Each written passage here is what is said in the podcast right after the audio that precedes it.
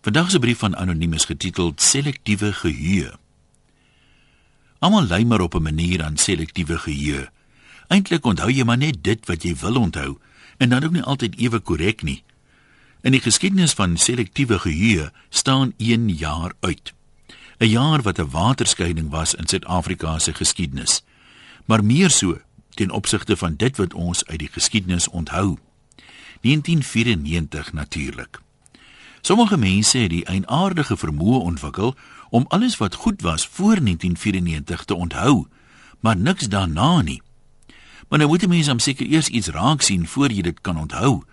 Maar dis 'n moeilike konsep vir nou. Vir sulke mense was Suid-Afrika 'n paradys voor 1994 en 'n voorstad van die hel daarna. Voor 1994 was alles goed. Blykbaar selfs die feit dat daar baie meer bomontploffings was, selfs in gesellige kuierplekke. 'n Mens moes by baie inkopiesentrums deur bomverklikkers instap, maar dit was nogtans beter as vandag volgens die mense. Net soos hulle dit geniet het om hoër belasting te betaal en uh, hoë rentekoers op hulle huislenings. Die goeie ou dae was vir sulke mense die era tot 1994. Nou die dag kuier oupa anoniem by ons. En my jongste spruit vra oupa uit oor die tyd in die paradys wat sy misgeloop het omdat sy eers in 1994 gebore is. Terloops as trotse vader het my goeie ou dae natuurlik eers na 1994 begin. Maar Annie stel veral belang in die staatsdiens wat toe sulke staatmaker diens gelewer het. Dis nou na bewering. Ag, twak my kind sê oupa. Mense vergeet te gou. Wat van die skole wat op die verkeerde dorpe gebou is? Dis hoekom Verliersdorp se skoolsaal meer mense kon vat as wat op die hele dorp gewoon het. En wat van die stasiegeboue wat aan die verkeerde kant van die spoorlyn gebou is? Toe moes jy eers oor die spoorlyn loop om aan die ander kant in die trein te klim.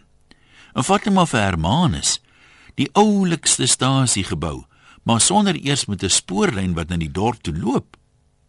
Vanus Rautenbach het gereeld grappies vertel oor die gedrang in die gange van staatskantore.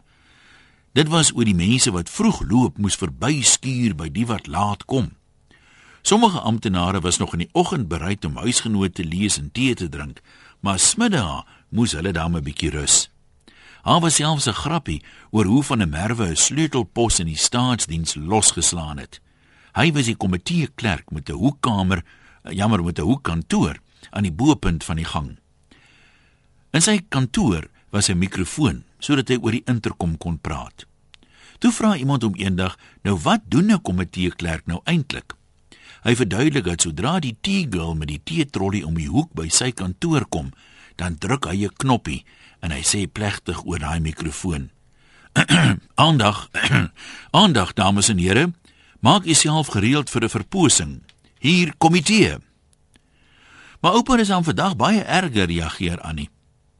Oupa vryf so oor sy bokbaardjie en hy sê: "Ou kinda, soos ek die mensdom ken, praat hulle een van die dae weer oor vandag as die goeie ou dae."